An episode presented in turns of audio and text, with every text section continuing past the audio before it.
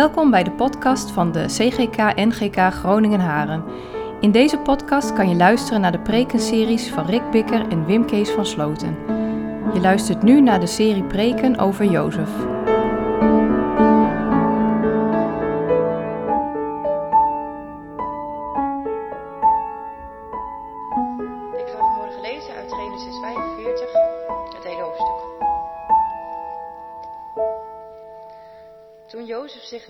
Goed kon houden tegenover allen die daar bij hem waren. Eh, sorry hoor. Ik begin even opnieuw. Toen kon Jozef zich niet langer goed houden tegenover allen die daar bij hem waren. Laat iedereen weggaan, riep hij. Zo was er niemand bij. Toen Jozef zijn broers vertelde wie hij was. Hij barstte in tranen uit en huilde zo luid dat de Egyptenaren het hoorden en dat het ook in het paleis van de farao te horen was. Hij zei tegen zijn broers, ik ben het, Jozef, leeft mijn vader nog? Zijn broers waren niet in staat antwoord te geven, ze waren verlamd van schrik. Kom toch dichterbij, zei Jozef tegen hen, en daarop gingen ze dichter naar hem toe. Ik ben Jozef, zei hij, jullie broer die jullie verkocht hebben en die naar Egypte is meegevoerd. Maar wees niet bang en maak jezelf geen verwijten dat jullie mij verkocht hebben en dat ik hier ben terechtgekomen. Want God heeft mij voor jullie uitgestuurd om jullie leven te redden. De hongersnood teistert het land nu al twee jaar en ook de komende vijf jaar zal er niet geploegd of geoogst worden. God heeft mij voor jullie uitgestuurd om jullie voortbestaan op aarde veilig te stellen. Zo wilde hij veel levens redden. Niet jullie hebben mij dus hierheen gestuurd, maar God. Door hem ben ik de belangrijkste raadsman van de farao geworden, de bestuurder van zijn hele hof en heerser over heel Egypte. Ga onmiddellijk terug naar mijn vader en zeg tegen hem dat zijn zoon Jozef hem het volgende laat weten. God heeft mij heer over heel Egypte gemaakt. Kom zo snel mogelijk naar mij toe. U kunt in Gozen wonen, dicht bij mij, met uw kinderen, uw kleinkinderen, uw schapen en geiten en runderen en wat u verder maar bezit. Ik zal u daar onderhouden, want de hongersnood zal nog vijf jaar duren. Dan hoeft u geen gebrek te lijden, u niet en ook uw familieleden en uw dienaren niet. Uh, uw dieren niet. Tot slot zei Jozef, jullie allemaal, ook jij Benjamin, zien met eigen ogen dat ik het zelf ben die hier met jullie spreekt. Vertellen jullie mijn vader dus hoeveel aanzien ik in Egypte geniet en alles wat jullie gezien hebben en laat hem dan zo gauw mogelijk hierheen komen. Daarop viel hij zijn broer Benjamin om de hals en beiden huilden. Jozef kuste al zijn broers, terwijl hij zijn tranen de vrije loop liet. Pas toen waren zijn broers in staat iets tegen hem te zeggen. Toen het nieuws dat Jozefs broers gekomen waren doorgedrongen was tot in het paleis, waren de farao en zijn hovelingen verheugd. De farao zei tegen Jozef, zegt u maar tegen uw broers dat ze hun lastdieren moeten bepakken en terug moeten gaan naar Canaan. Laat ze hun vader en hun gezinnen daar ophalen en dan weer hierheen komen. Zegt u ze het vruchtbaarste deel van Egypte maar toe en beloof ze dat ze het beste wat het land te bieden heeft te eten zullen krijgen. Verder moet u zeggen dat ze hier vandaan wagens moeten meenemen, zodat ze kunnen terugkomen met hun vrouwen en kinderen en met hun vader. Ze hoeven er niet om te treuren dat ze hun huisraad moeten achterlaten, want het beste wat er in Egypte te vinden is, is voor hen. Israëls zonen deden wat hun gezegd werd. Jozef gaf hun in opdracht van de farao wagens en ook proviand voor onderweg. Bovendien gaf hij ieder van hen nieuwe kleren. Aan Benjamin gaf hij zelfs vijf stel nieuwe kleren en ook nog 300 shekel zilver. Ook voor zijn vader gaf hij iets mee. Tien ezels beladen met de fijnste Egyptische producten, tien ezelinnen bepakt met graan en brood en voedsel voor onderweg. Toen zijn broers vertrokken en hij hun uitgeleide deed, verzekerde hij hun dat ze onderweg nergens bang voor hoefden te zijn. Zo verlieten ze Egypte en kwamen ze weer in Canaan bij hun vader Jacob. Jozef leeft nog, zeiden ze tegen hem, en hij regeert over heel Egypte. Maar Jacob bleef er koud onder, want hij geloofde hen niet. Toen hun vader echter alles overbrachten wat, Egypte tegen hen had, uh, wat Jozef tegen hen had gezegd, en toen hij de wagens zag die Jozef meegegeven had om hem te vervoeren, leefde hij op. Zo weet ik genoeg, zei Israël. Mijn zoon Jozef is nog in leven. Ik wil naar hem toe. Ik wil hem zien voordat ik sterf. Ja, gemeente, broers en zussen. Ik wil graag vanmorgen met jullie uh, dat gedeelte dat we hebben gelezen even doorlopen met elkaar. Een aantal dingen aanstippen. Ook eens even kijken van hoe doet God nou de dingen die hij doet in onze levens. En Wat levert dat nou op? Ik denk dat dit hoofdstuk wel een soort uh, draaipunt is. Dit is, dit is het defining moment. Zijn er hier Star Wars fans in de kerk? Ja, kijk. Dit is het look I'm your father moment. Dat is het moment dat, dat alles omdraait. Je zag het al aankomen en daar is hij dan. Dit is het moment dat het hele verhaal kantelt. Moet je je voorstellen, je hebt al een paar keer die broers van je gezien. Je hebt eerst afgevraagd, zijn ze het echt? Toen ze binnenkwamen strompelen in je troonzaal. Ze vertelden over hun vader Jacob. En ze hadden nog wat verhaaltjes en wat dingetjes. En je hebt ze geholpen en je hebt ze getest. Je hebt, je hebt, een beetje geschud aan die boom bij hun om te kijken van, zijn die jongens nou nog dezelfde als ze vroeger waren? Of zijn zij ook veranderd? Want ik ben ook veranderd. Jozef was zelfs zo veranderd dat die broers die die troonzaal binnenkwamen, hebben geen moment over nagedacht of dat misschien hun broer zou zijn. Ze hadden natuurlijk al lang uh, niet meer gedacht dat hij zou leven, maar ook daar zit hij dan, zo'n man, zo'n Egyptische koning. Misschien dat de jongens en meisjes er ook wel eens plaatjes van hebben gezien. Die, die koningen die waren kaal geschoren en die hadden dan een pruik op of zo'n hele grote kroon. En die zaten dan op, op zo'n enorme troon met allemaal mensen daaromheen, met van die waaiers. En die hadden dan een heel mooi gewaad aan en die, die hadden allemaal uh, make-up op en van die zwarte oogmake-up. En die jongen die was onherkenbaar. Maar nu komt het moment. Nu komt het moment dat heel het verhaal kantelt. En er staat dus zo mooi, eerst worden alle bedienden de zaal uitgestuurd. En de deuren gaan dicht. En daar ben je dan, samen met je broers. En nu is het moment dat jij, de machtigste man van de wereld, hè, want zelfs de koning die nog boven je staat, die laat jou eigenlijk alle dingen doen. Dat jij met je broers kan doen wat je wil. En wat ga je dan doen? En wat ga je nu zeggen? Ik kan me voorstellen dat als wij zo'n foto hadden gedaan van de farao met die, met die jongens daar beneden. En dat hadden we onderzet caption this. Hè? Schrijf eens onder een tekstballonnetje. Wat zou nou farao zeggen? Misschien dat Jozef al had kunnen zeggen, zo. En nu wij. Nou moeten wij nog eens eventjes heel goed praten.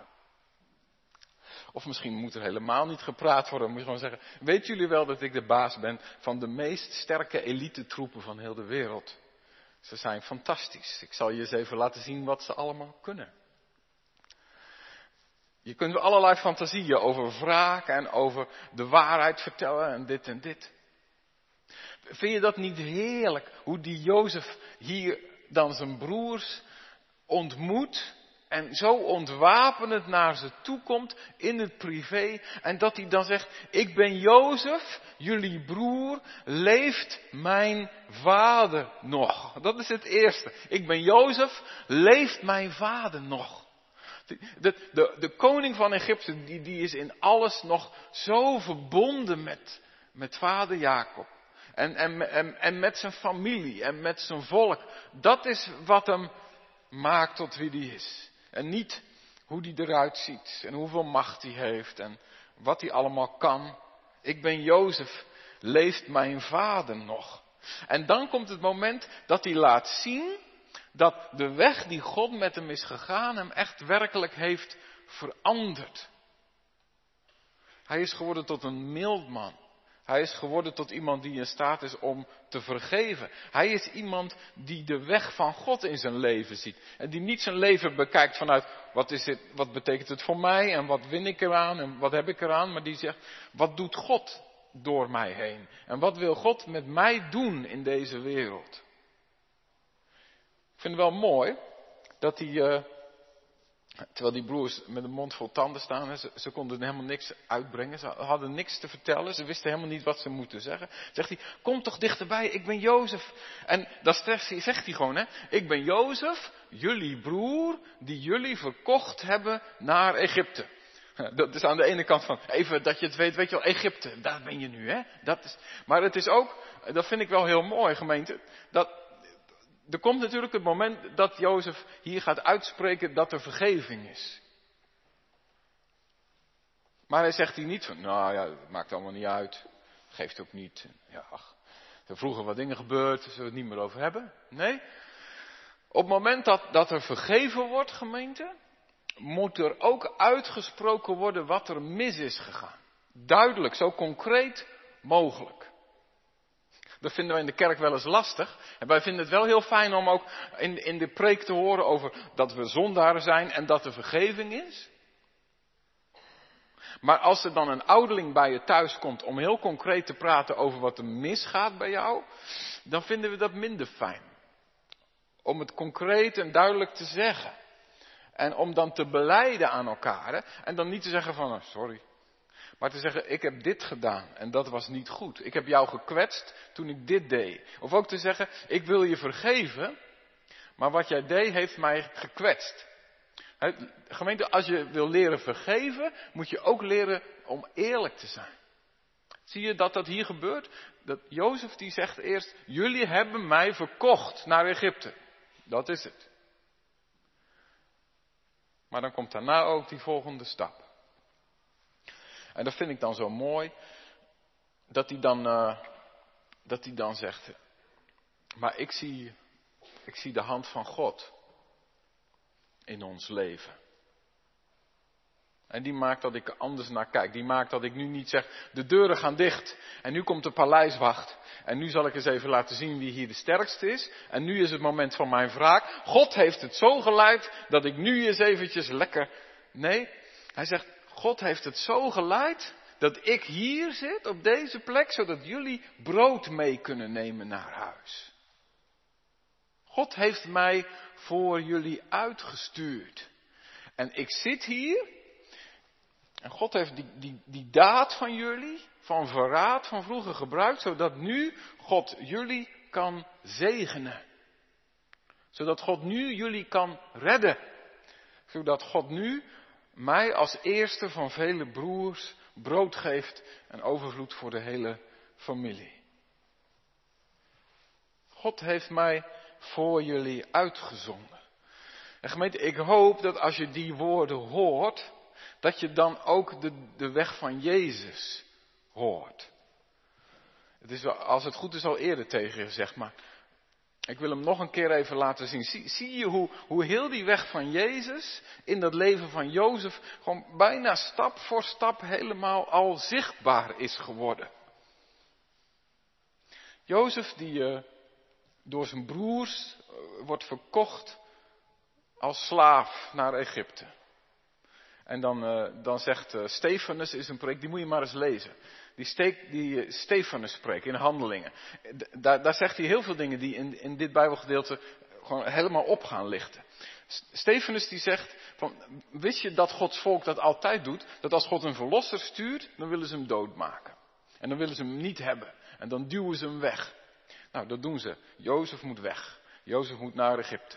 En dat hebben wij ook gedaan met Jezus.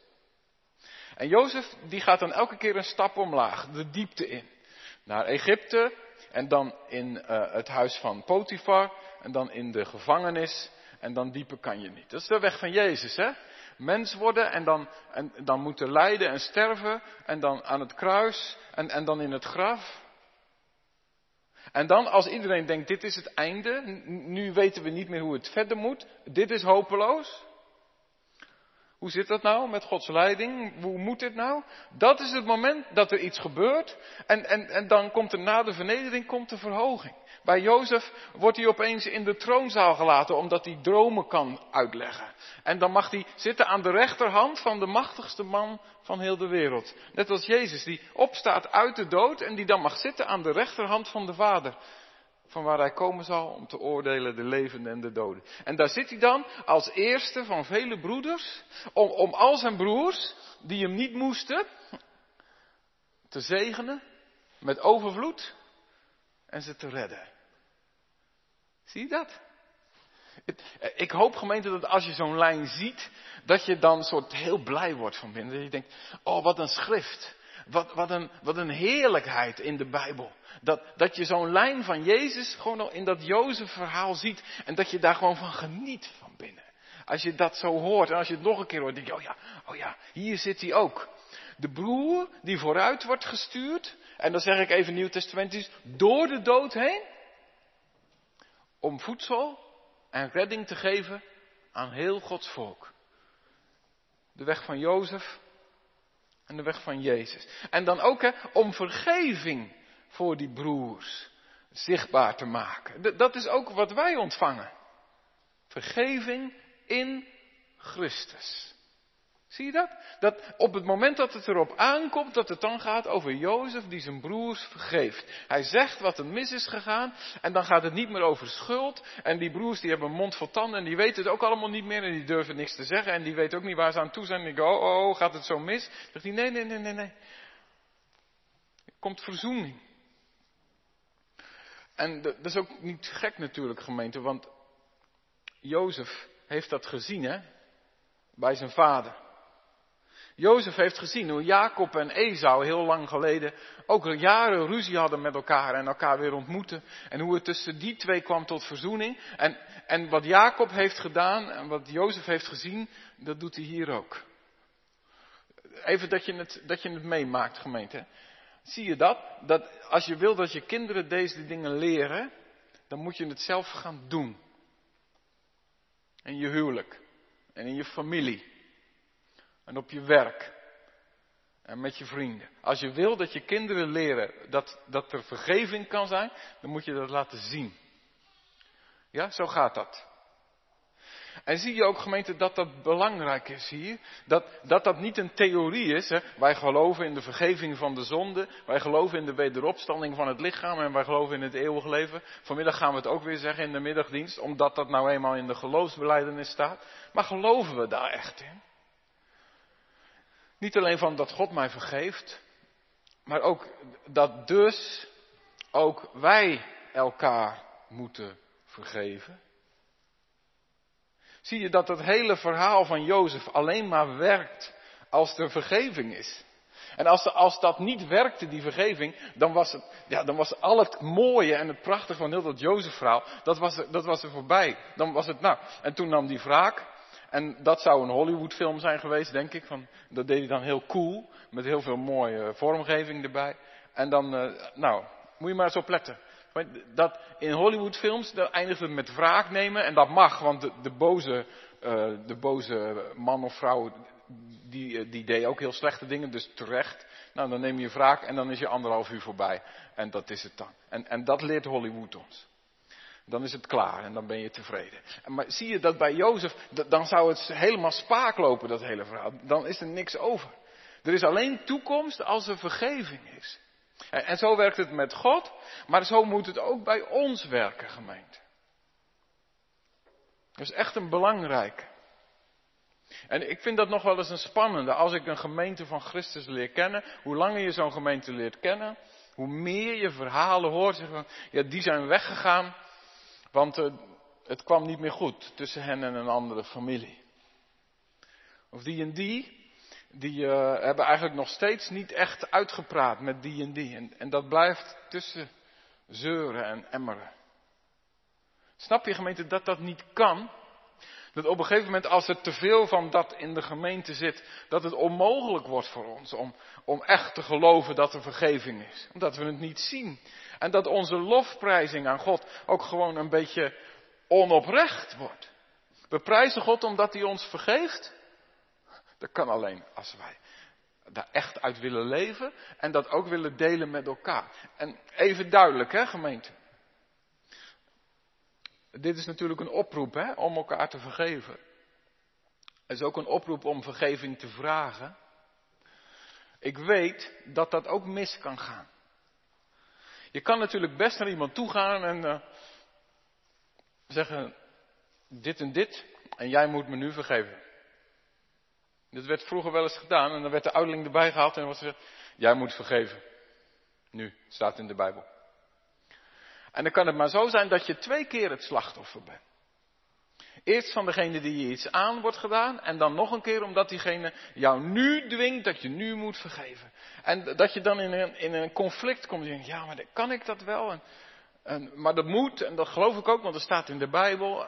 Maar je weet ook van, dan is het, ja, als ik nu iets zeg, dan klopt het ook nog weer. Het voelt niet goed, klopt niet. Hoe, hoe dan? Laat me dit erover zeggen. Ik vind het heel mooi dat in de catechisme staat, als het gaat over de vergeving, hè, vergeef ons onze schulden, gelijk ook wij onze schuldenaars vergeven. Als de catechismus dat zinnetje gaat uitleggen, dan zegt de catechismus, wij zien het als een genade van u, dat wij in ons hart merken dat het verlangen er is om de ander helemaal te vergeven. Ik zeg het even wat uitgebreid, want de catechismus doet het dan, weet je, een heel kort zinnetje met hele oude taal. Maar de catechismus zegt dus dit. Het gaat er niet om, je moet nu vergeven, nu. Boter bij de vis. Nee, eh, het begint met een verlangen. Er zit een verlangen in mijn hart om jou te vergeven. Maar ik ben er nog niet. Dat heeft tijd nodig. Prima, neem die tijd. Maar laat dat verlangen nou, laat dat er nou zijn. En als dat er is, zeg dan, dat is een teken van de Heilige Geest. Dat is genade van God dat dat verlangen er is. En heb dan geduld. En neem dan ook de tijd. En dan is vanzelf een keer het moment dat je weet, en nu ben ik er klaar voor. Nu kan ik het uitspreken tegen mezelf, tegen God of ook tegen die ander. Laat jezelf niet haasten, laat jezelf niet opjagen. Maar, dat zegt de catechismus wel, het is mijn verlangen om de ander helemaal te vergeven. Niet, nou, mondjes maar dan, vooruit maar dan. Oké, okay, oké, goed. Doe dan maar. Nee, dan ook echt. Dat is wat hier gebeurt. Hè? Dat, daar hoort dat ook bij van dat je benoemt wat er is gebeurd. En zie je dat dan daarna Jozef het loslaat? Ik zie nergens in hoofdstuk 45 staan en hij vergaf hen. Dat, dat staat er niet, het wordt niet uitgesproken in de tekst. Maar zie je aan alles niet dat dat is wat hij doet? Hij, hij, hij behandelt hen alsof wat er vroeger gebeurd is, dat doet er niet meer toe. Daar komt hij niet meer op terug. En dat is ook een belangrijke. Ik was laatst in gesprek met iemand en die moest ook iets vergeven. En toen zei ze, ja, dat wil ik wel. En toen zei ze, maar, herken je dat? Ik wil je wel vergeven, maar. En dan ga je, daarna kom je gewoon weer terug op wat er dan gebeurd is. Hè? Snap je, dat, dat, dat is het niet. Als je vergeeft, dan laat je het los. Dan, dan leg je dat niet een ander nog weer een keer voor de voeten. Dan blijf je daar niet op terugkomen. Dan, dan blijf je daar niet aan peuteren dan laat je het. Dat, dat, is een, dat is een werk, dat is een klus. Dat vraagt energie. Maar dat is wat je dan ook wilt. En dat is waar je om bidt en dat is waar je de kracht om vraagt. En zie je dat Jozef dat zo heerlijk mooi doet. Dat hij dan ook zegt van, uh, en nu komt de familie allemaal naar Egypte. En dan krijgen ze allemaal de mooiste spullen. Ze hoeven niks mee te nemen, want ik zorg voor de mooiste spullen van Egypte. Allemaal voor jullie. En, uh, en, en dan zorg ik voor jullie. Zie je, daar zit niks meer bij van, nou vooruit dan maar. Oké, okay, nog wel een hoekje ergens in het land. En daar is nog wel ergens een oude boerderij. En dan knap je die maar op en dan zie je dat je daar maar wat van maakt. Nee, het mooiste stukje van Egypte, daar mag je wonen met al je kudde. En dat heeft hem wel wat gekost, Jozef. Want die Egyptenaren hadden zo'n hekel aan die, uh, aan, aan, die, aan die herders. Die herdersvolken die daar uit de woestijn kwamen elke keer als ze dan weer honger hadden. En die stonken zo en die hadden geen cultuur en die wisten allemaal niet hoe, waar het echt op aankwam. Ze keken verschrikkelijk neer op al die, uh, al die stinkende herders. En dan komt de onderkoning en die zegt, uh, jullie krijgen het mooiste land en daar mag je je vee lekker laten rondlopen. Dat, hij, hij is echt bereid om iets voor ze te doen. En weet je wat ik ook zo mooi vind, gemeente? Dat er dan staat, niet alleen dat ze het beste krijgen, maar er staat in vers 22. Bovendien gaf hij ieder van hen nieuwe kleren. En aan Benjamin gaf hij vijf stel nieuwe kleren. Ik, dat ontroert mij echt. Ik hoop dat je die kleren elke keer hebt zien langskomen in dat verhaal van Jozef. Het begint natuurlijk mee dat die jas, met die kleuren en dat ze daar jaloers op waren. Die werd van hem afgepakt en werd in de put gegooid. En dan gingen ze met die jas gingen ze naar, uh, naar Jacob toe. Jacob, oh, is het, niet, is het niet de jas van Jozef? Dit is hem toch? Zou dat niet zo kunnen? Oh, wat erg. En dan met die jas hebben ze hun vader bedrogen. En Jozef was hem kwijt, zijn jas. En dan bij, bij Potifar, als mevrouw Potifar denkt, hé, hey, die wil ik wel, die vind ik leuk. Dan vlucht hij bij haar weg. En dan, dan staat er dat mevrouw Potifar, wat ze vasthoudt is zijn jas. Dus Jozef heeft geen jas meer.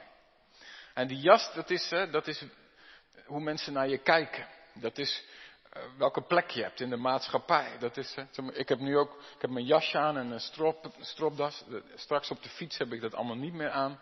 Dan heb ik gewoon weer een trui aan en een winterjas en een regenpak. dus je kleding, dat zegt iets over de plek die je inneemt. Jozef, die, die, die raakt dat kwijt.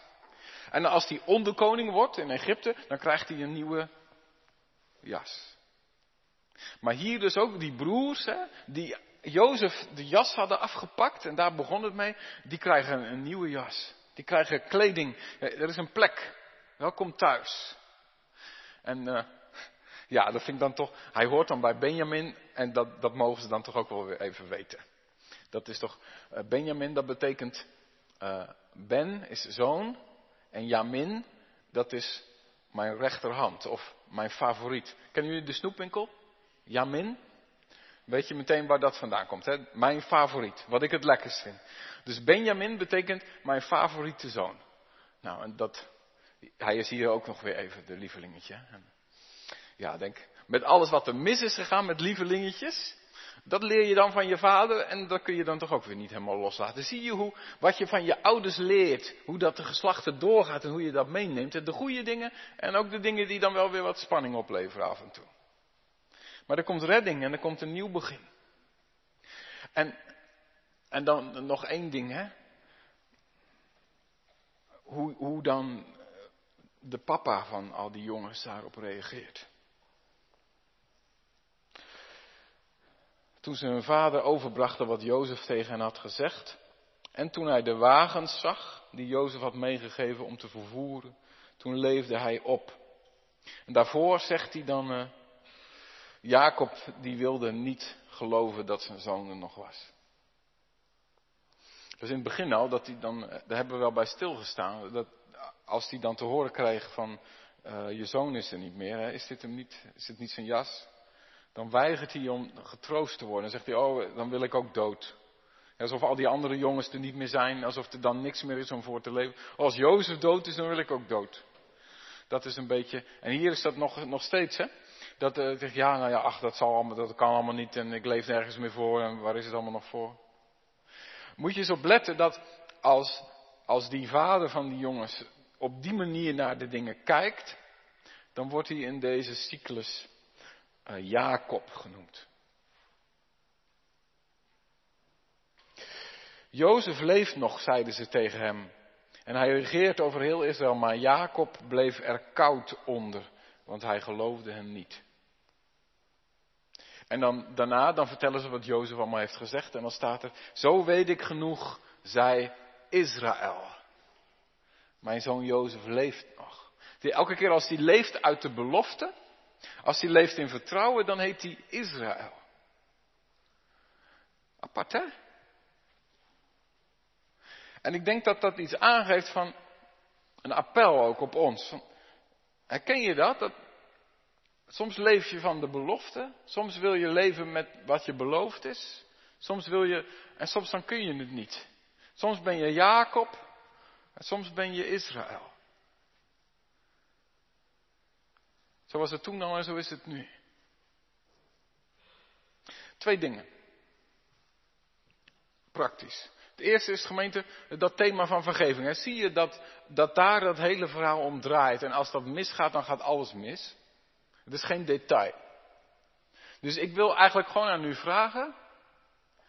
Als er dingen zijn waar vergeving voor moet worden gevraagd of schuld worden beleden, pak dat op. En ik weet dat ik misschien wel hele grote dingen aanstip. Ik zeg ook niet, moet allemaal morgen af. Maar ga daar weer mee aan het werk. En zoek iemand op die je daarbij kan helpen om de dingen te bespreken. Uh, ga naar je ouderling of ga naar iemand die je vertrouwt. Ga daarover praten. Want dingen moeten niet verborgen blijven, maar die dingen moeten aan het licht komen. Dat is één. En twee, dat is ook een manier om te leven als Israël en niet als Jacob. En eh, die wil ik aan, aan je meegeven. Van, stel jezelf in de komende tijd is die vraag. Als er dingen gebeuren, je bent op zoek naar Gods leiding. En je vraagt je af, hoe moet het nu verder? Heere God, ja, bij Jozef deed je zo mooi dan iemand voor hem uitsturen. En uh, voor ze uitsturen en dan kwam het allemaal goed. Ik weet wel dat u Jezus ook voor mij hebt uitgestuurd. Hij is degene die als mijn broer alles voor mij verdient. Maar ik vind het soms zo lastig om dat te geloven, net als Jacob. Ik vind het zo moeilijk om te geloven dat hij echt leeft. Dat hij er is voor mij. Wilt u mij helpen om, om te leven als Israël? Die zijn hand legt op die belofte. En ik ben zo vaak Jacob die het, die het niet kan. Geef me uw geest. En dan mag je vragen, Heere God, help mij. Maak mij een Israël. Ga daarmee naar God. Ik denk dat dat de twee dingen zijn die uit dit gedeelte naar voren komen. Ik wil graag met jullie eh, zingen, gezang 427. Beveel gerust uw wegen. Vertrouw jezelf toe aan God. En daar zit ook dat, zinnetje in. Zo zal Hij alles maken dat ge u verwonderen moet. Nou, dat vind ik wel, dat zit hier zo in, in dit gedeelte. Dat je met verbazing ziet hoe alles op zijn plek komt. Omdat God niet loslaat wat Hij begonnen is te doen. Amen.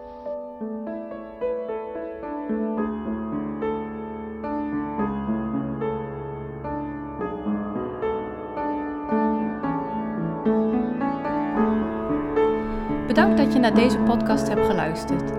Wil je reageren? Stuur dan een e-mail naar podcast.cgk-gn.nl. Hopelijk tot de volgende aflevering.